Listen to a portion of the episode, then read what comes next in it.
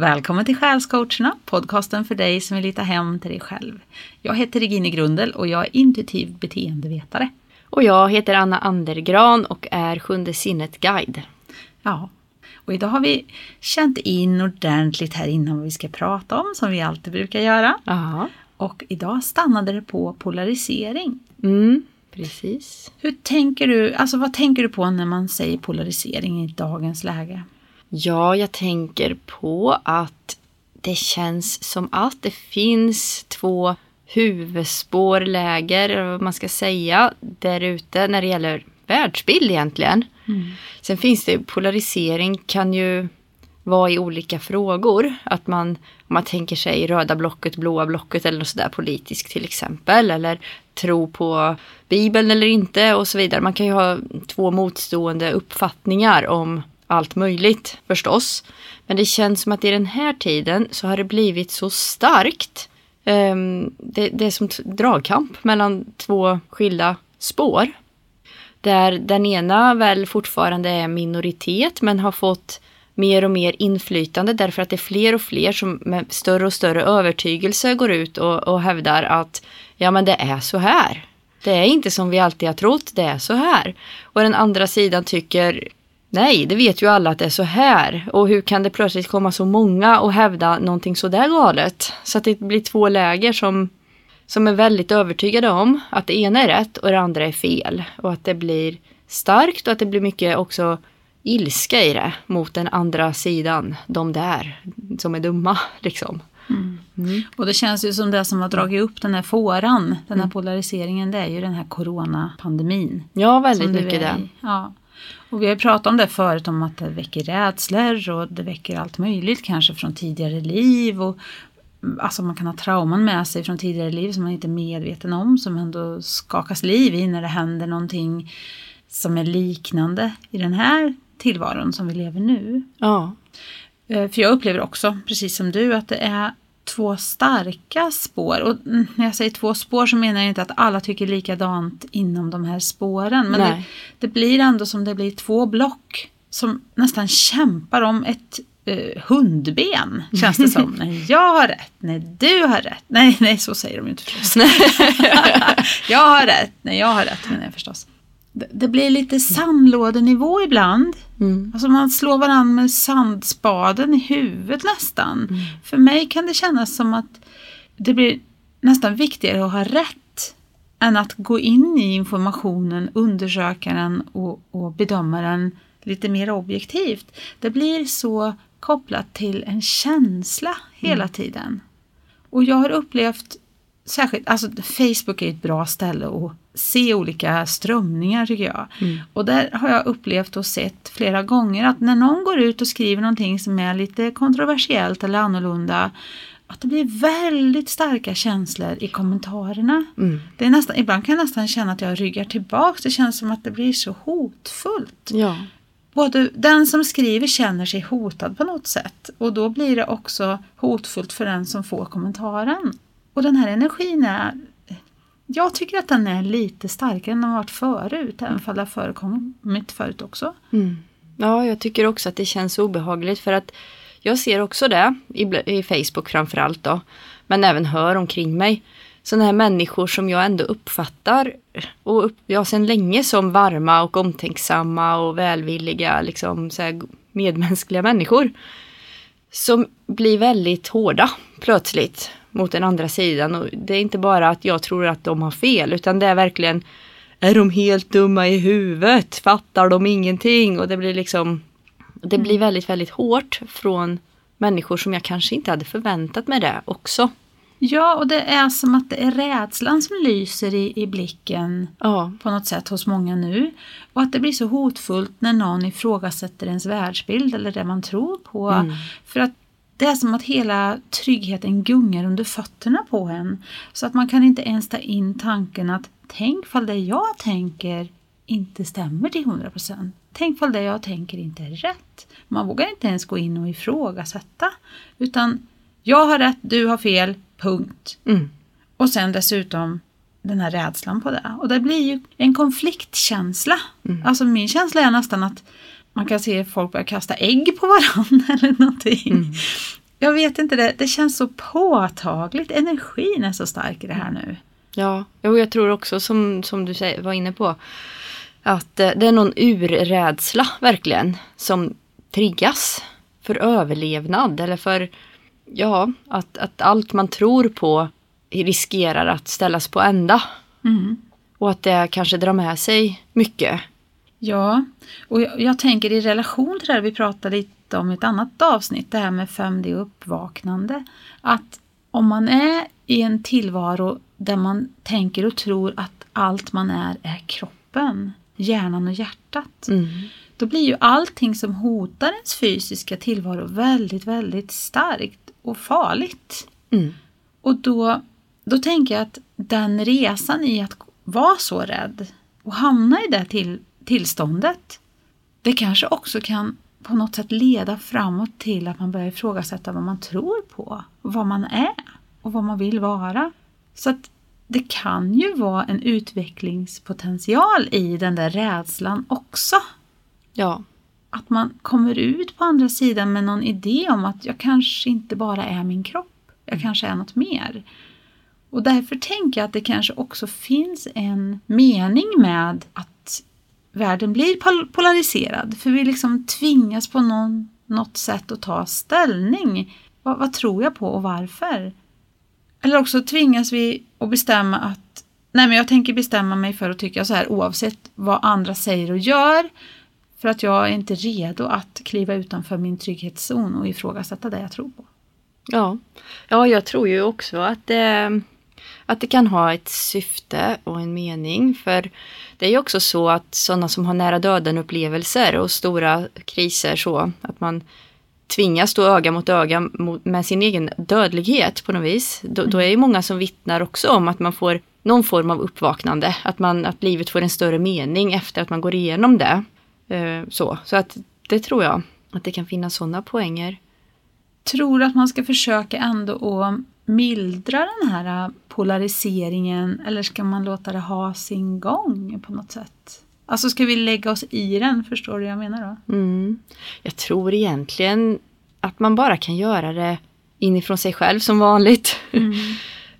Jag tror inte vägen är att man ska försöka övertala, övertyga andra till att tro något annat än vad de tror, utan var och en behöver göra sin resa i det här. Men jag tror att det kan innebära en, en hjälp från livet, eller vad man ska säga, att hitta sitt sanningscentrum och att se, att, att inse och förstå och acceptera att det finns många olika perspektiv att titta på samma sak ifrån. Och att det är okej okay att man kan se på samma sak från olika håll. Alltså lägg vilket föremål som helst framför dig på bordet och sen sätter du ett gäng i en ring runt det så kommer alla att ha sin egen, sitt eget unika tittperspektiv på det föremålet. Det kommer inte se exakt likadant ut för någon. Eh, utan alla kommer se på sitt sätt. Och man kan ju hålla på då och diskutera och dividera och försöka övertyga varandra om att nej men så som jag ser det, det, det är liksom sanningen. Och din, din bild är lite tvistad. Så, men det är ju alla, allas perspektiv är sant och samtidigt så är sanningen om föremålet större än någons enskilda perspektiv. Det Mm. innehåller mer, det är mer komplext än vad någon av oss kan se fullt ut från vårt personliga perspektiv. Och jag tror att det är det här som den här processen hjälper oss till. När polariseringen blir så smärtsam och så påtaglig att vi står inte ut med den längre så kanske vi äntligen kan acceptera och liksom komma till insikt om att aha, det ser annorlunda ut från det där hållet. Ja, det hoppas jag också. Ja. Och någonstans så undrar jag om det är det vi ska försöka underlätta istället för att skapa stridigheter med vad som är rätt och fel. Precis som du säger, att man ska försöka hjälpa till att öka viljan att se varandras perspektiv istället. ja. Och man kan skicka energi till det Mm. istället för för det blir lite egodrivet det här att jag har rätt och du har fel. Väldigt. Alltså min sida är den goda sidan och din sida är den onda sidan. Ja. Alltså jag strider min sann för ljuset ja, men Mm. du är bara dum. Ja. Alltså, ja. du vet, alltså har vi den inställningen då är vi egot. Ja. Och det kommer inte hjälpa oss ur det här. Det blir Nej. bara mer och mer polarisering. Men det där som du säger att, att man skickar energi och själv försöker vara i den energin av att se den andres perspektiv. Mm. Gärna med kärlek om man klarar av det. Mm. Men då måste vi lägga egot åt sidan, vi måste lägga rädslan åt sidan, annars funkar det inte. För jag upplever också att den här polariseringen och den här viljan att ha rätt handlar ofta om omtanke också. Mm. Jag är orolig för dig och ditt sätt att tänka, för om du tänker sådär så riskerar du att dö. Eller skada någon, eller skada dig själv. Och då måste du tänka som jag förstår du. Mm. För att då kommer du klara dig mycket bättre. så det är en omtanke bakom det ofta och en väldigt stor frustration. Så det finns så många saker vi måste överbygga för att komma till den här viljan, möjligheten att lyfta energin i att förstå den andras perspektiv och respektera det och inte försöka ändra på den andra. Mm. Utan förstå att den har sin resa. Den måste få göra det här på sitt sätt. Den kanske måste gå igenom den här polariseringsprocessen på ett ganska tufft sätt för att komma ut på andra sidan som det som det är meningen att den ska komma ut som. Mm. Och vi kan liksom inte styra det utifrån. Nej. Och här igen så tycker jag att det underlättar om man också kan ha känslan för att vi är mer än en kropp. Mm. Och att man faktiskt är en själ som går in och ut ur olika livsupplevelser. Eh, Och att vi är här på jorden just nu i den här tiden. För var och en ska upplevas den resan på sitt eget vis och av sina egna syften. Kanske inte sina egosyften då bara utan det finns ett högre syfte också som man har gjort upp om innan man kom hit. är ju min uppfattning då. då. Mm. Eh, Och då, då kan vi inte alltid som människor förstå varför någon annan gör en helt annan resa och helt andra val och kanske går igenom saker som vi som ego kan bedöma som hemskt och fruktansvärt och fel. Eh, Men det kanske behöver vara så på den människans resa av syften vi kanske ser långt senare. Men kan du se, om man tittar på ett jättestort perspektiv, om man tittar ner på jorden just nu Mm. och ser det som pågår, eh, polariseringen och rädslan och frustrationen och, och allt det här. Kan du se att det på något sätt behövs för att vi som mänsklighet ska utvecklas? Mm. Ja, jag får en sån här lite eh, både och-känsla med det. För jag tror inte att det måste vara nödvändigt. Men det kan vara nödvändigt för enskilda människor som... Alltså för vissa är det nödvändigt att gå igenom det man går igenom för att vakna till nästa nivå av sig själv. Så att säga. Men, men för andra behöver det kanske inte. Utan man kanske redan kommer med ett större perspektiv. Så, några gör säkert det.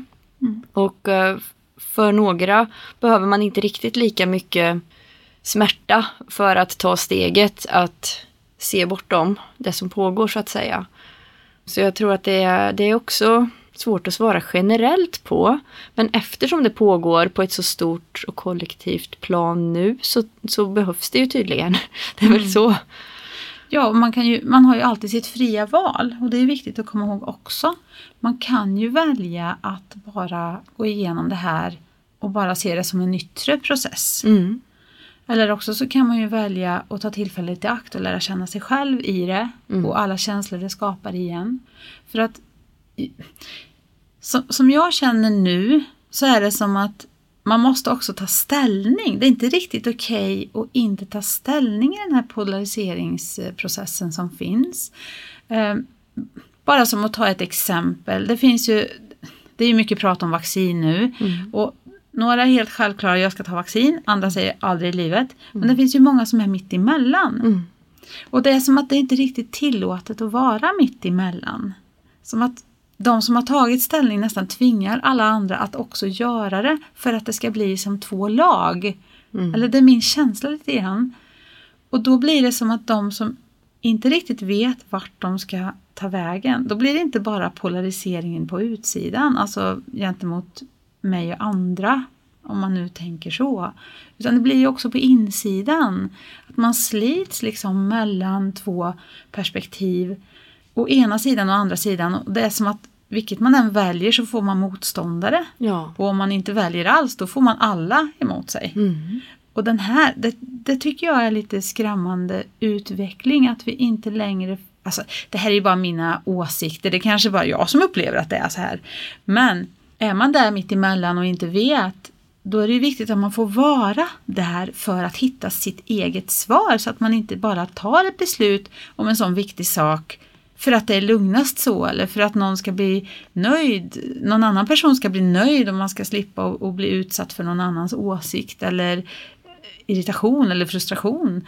Alltså att man får, det är så viktigt att var och en får göra ett eget val utifrån sig själv. Mm. Men idag känns det som vi pressar varandra. Vi ska Mm. ta ställning, vi ska vara med i det ena eller andra laget.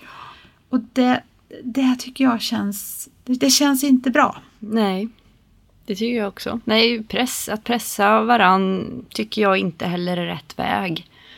Men Eh. upplever du också så eller är det bara min känsla att det är den där Ja, att men man inte viss- får vara i mitten riktigt? I viss mån så upplever jag också det. Eh, faktiskt. För att, och igen så tror jag att det handlar om omtänksamhet som du var inne på. Mm. Att båda sidor vill rädda liksom de andra. Alltså man vill, man vill rädda folk från den här hemska smittan så att alla ska ta vaccin eller man vill rädda andra från det där hemska vaccinet liksom för att det är jättefarligt. Mm. Så det handlar ju ofta om det tror jag. Mm. Man vill trots allt väl, men det tar ganska hårda uttryck ibland. Men jag tänker också att det kan kanske vara en viktig livsläxa i att om man nu befinner sig i mitten och inte vet varken ut eller in. Man kanske är en sån här som har vant sig vid att vara lite vad de kallar people pleaser. Att vara andra till lags, att lyssna mycket på andra och bara följa strömmen och inte behöva tänka själv och ta beslut själv. Det kanske då mm, det kanske finns i det liksom att man, det är dags att hitta sitt eget svar just på insidan. Att ta några andetag eller gå ut och gå eller vad du behöver liksom för att känna in dig själv och känna in vad känns rätt och bra för mig. Man kan lyssna på information från båda sidor och känna efter med hela sin varelse. Eh, vad, vad känns rätt och bra och, och vad vill jag? Mm. Alltså bara jag, oberoende på vem som tycker vad. Mm. Vad känner jag känns rätt? Ja. Mm. Så jag, jag tror att det, det, den tiden är kanske lite slut när man bara kan lita på att andra ska veta bättre för en. Alltså, så därför så blir det kanske smärtsamt att vara i kläm också mellan olika viljor för att man ska kliva i sin egen kraft och sin egen sanning och, och välja själv. Och där är det ju en resa i sig att våga stå upp för sitt eget val och ta ett beslut. För det kan vara andra som inte håller med. Mm. Och det kan vara så att, att eh, man, får, man blir obekväm för personer Ja. när man går sin egen väg. Och det tror jag många drar sig för. Mm. Man vill gärna vara omtyckt och bekräftad och att andra ska, ska tycka att man ja, är snäll och bra på alla sätt och vis. Det är ju, ligger i vår mänsklighet, vi är ju ett flockdjur. Mm. Så att det är ju en utmaning Mm. att ta det steget och ta ett beslut som, som grundar sig i sin egen inre sanning och centrering som kanske är mitt emot vad någon annan tycker. Mm. Så det här är ju en personlig utveckling av stora mått. Ja. Men att bara följa minsta motståndets lag i det här och kanske lyssna på den som är närmast och som det är jobbigast att säga emot och göra som den tycker. Det är inte heller att rekommendera. Nej. För att då, du måste leva med ditt val. Och det här handlar inte bara om, om det här vi pratar om nu, nu pratar vi om corona för att det är det som, som är på tapeten hela tiden. Vi matas ju med det här hela tiden så det är lätt att ta det som exempel. Men det här handlar ju om allt. Ja. Det handlar ju om, vill jag äta falukorv idag? Ja. det, det, alltså det var ju ett litet exempel. Men jag menar, det här handlar ju om allt i livet. Visst är det så. Går du din väg eller kopierar du någon annans? Är det okej att säga upp sig om man mår skit på ett jobb? Eller måste man minsann ha något annat klart först och så vidare? Alltså, Är det okej att ta en konflikt med en person som man inte håller med? mm. Även om man riskerar att den blir arg på en och tycker att man är dum. Är det okej att skilja sig när man har barn ihop? Ja, är det okej? Ja, ja det finns ju mycket exempel som helst. I Ja. stort och smått. Ja, men så är det.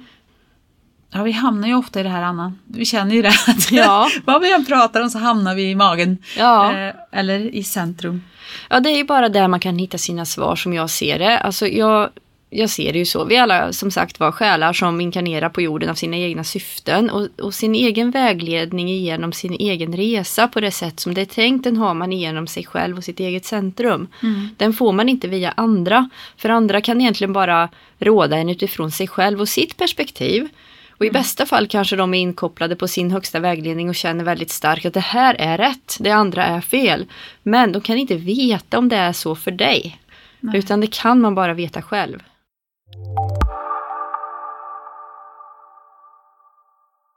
Men vad, vad har vi för tips och råd till alla dem? För, för vi har ju träffat på från båda falangerna, både du och jag, de som blir väldigt frustrerade över att de inte når fram med den information som de vill förmedla till en annan person. Ja. Det här handlar ju om kommunikation, det handlar om kärlek och förståelse och allt möjligt.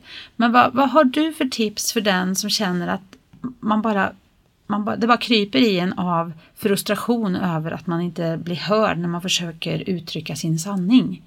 Ja, det, det är svårt.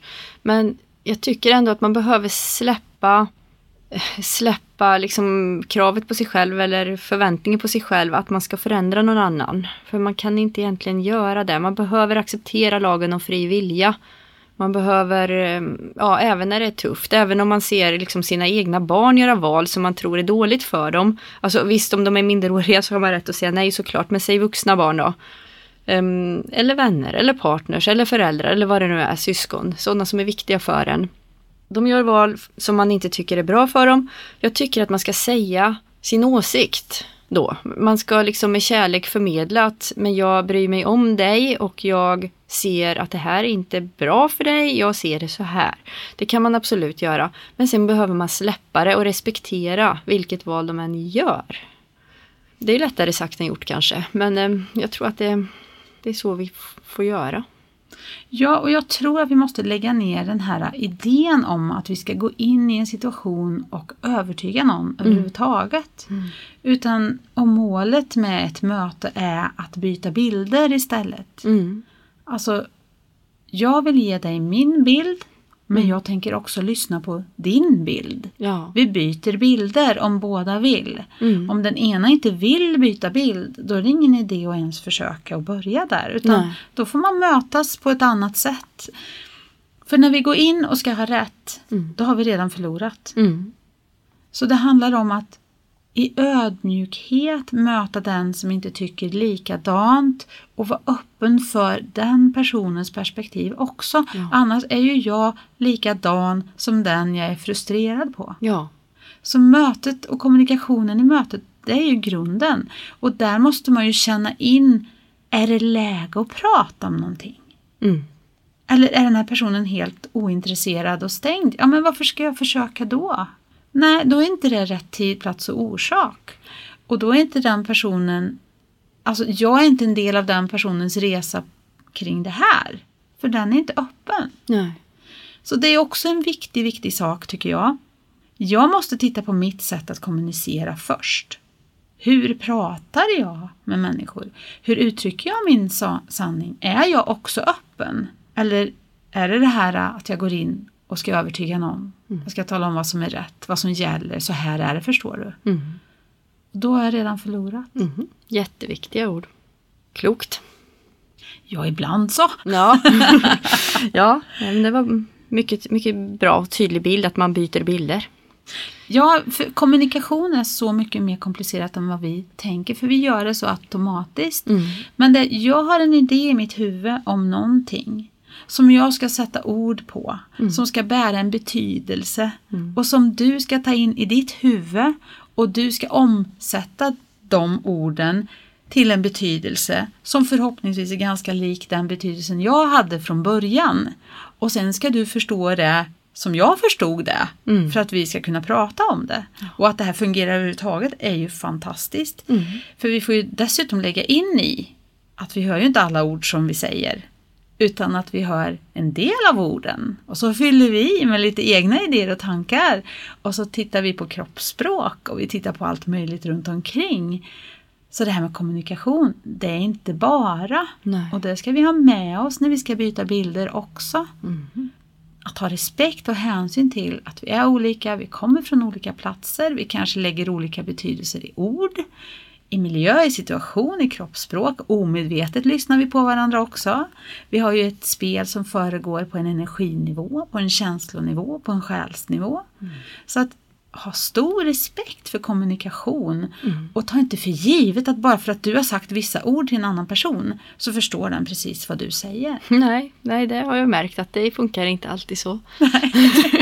Nej, det är den hårda skolan. Ja, visst är det så. Så där handlar det om jättemycket ödmjukhet. Ja, Så gå in med egot i högsta hugg och, och vifta med en flagga att jag har rätt. Mm. Och att det ska bli en bra utgångspunkt för att mötas. Ja, ja. not so much. Nej, precis. Nej, men det är jätte, jätteklokt. Jag tänker eh, att det blir mindre försvarsläge också, mindre behov av att försvara sig om syftet med mötet är mer att förstå varandras perspektiv än att bara övertyga någon annan om sitt eget perspektiv. Mm. För då har man ju stängt dörren till sitt egna lärande också. Ja, Då har man ju bestämt, man går in och tänker jag har öppet sinne, jag har sett saker i världen som inte du förstår och nu ska jag övertyga dig om att jag har rätt. Ja men då har man ju stängt sinnet igen. ja, Så det här är jättesvårt för man, det handlar ju om eh, hos oss har vi ju ett behov av att uttrycka oss, att eh, skapa länk med andra människor, att skydda oss själva, skydda andra. Så det finns ju så mycket spel runt ett möte också. ja, Och, och se det är ju jätteviktigt, att vi är medvetna, att öppna, att vi vågar se vad vi spelar för spel själva. Så att vi inte bara tar för givet att det är bara alla andra som spelar spel. Jag är ju alltid ärlig och säger bra saker. Liksom. ja, det är ju lätt att tro. Ja men det är jättelätt att tro. Ja, Men då tappar vi öppenheten Mm. och lärandet och möjligheten för oss att utvecklas. För det är ju inte så här att världen består av hälften av mänskligheten är upplyst och öppen och vaken och den andra den är stängd och, och liksom, så är det ju inte. nej, Alla har ju sina lärdomar, alla har ju sin upplysning, alla vet ju saker. Mm. Vi måste förstå det, vi kan inte göra oss till två läger av svart och vitt. Det nej, går inte. nej, det är inte svart och vitt. Ingenting är svart och vitt. Nej, Men vi kan tänka att vi vill hålla vårt eget ljus Mm. högt. Och när jag säger att hålla sitt eget ljus högt, då tänker jag just det här att våga vara öppen. Att våga fortsätta undersöka sig själv och sina mönster, sitt beteende. Vad gör jag som för mig framåt? Vad gör jag som sätter krokben för mig själv? När blir det konflikt i möten? Vad beror det på? Beror det på den andra bara eller har jag en del i det? Alltså hela tiden fortsätta utvecklas. Då tycker jag man håller sitt ljus och man fortsätter att ha en intention om att vara sann och ärlig och kärleksfull. Då tycker jag att man håller sitt ljus. Och det, det är min intention, det, det vill jag göra mer och mer. Och sen gör jag inte alltid det här, jag snubblar så ofta och det är så mycket jag inte vet som jag håller på med. Och som gör att jag bromsar möten och, och hamnar i ego och allting. Men jag har intentionen, jag vill till att hålla mitt ljus. Mm. Ja, det är väl eh, det bästa vi kan göra. Jag tror att vi får, Vårt bästa. vi får, vi får ha vårt bästa som ambition. Ja. Ehm, och det här att ta hjälp av människor som hjälper oss att vara vårt bästa jag också. Mm. Miljöer och människor som stöttar oss i att vara där. Mm. Vi har faktiskt rätt att välja där också. Precis, så är det. Ja, nu känner jag mig lite sådär tömd, Hanna. Ja. ja, precis. Men vi har ju täckt en del här. Polarisering i världen och hur man kan förhålla sig till det. Mm. Så att man själv kan må bättre i att det är så. Att det finns starka åsikter. Och hur man kan bära sig åt för att kanske nå varann bättre. Mm. Om man står på olika läger med sådana som man ändå vill ha en relation till. Sådana som är nära eller viktiga på olika sätt. Ja, och så det här uttrycket blir lite fel, men ändå att välja sina strider som dock inte ska vara strider utan ett by- utbyte av bilder på ett Ja. ödmjukt och kärleksfullt sätt. Ja. Om vi gör så hälften av tiden, om vi klarar av det hälften av tiden, Mm. då kommer vi minska konflikterna i världen med hälften. Ja, Är inte det ganska bra? det är jättebra. Ska vi ha det som mål? Ja.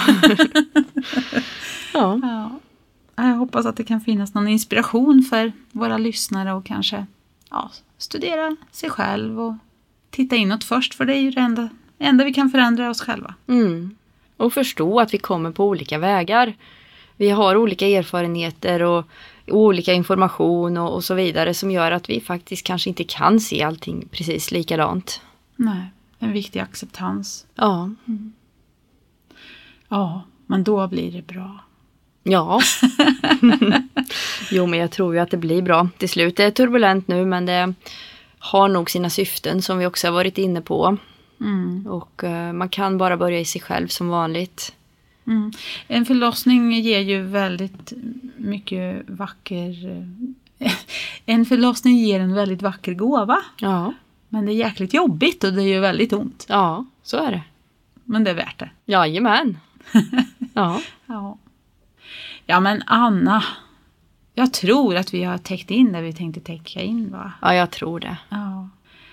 Det är spännande att prata med dig. Tack detsamma.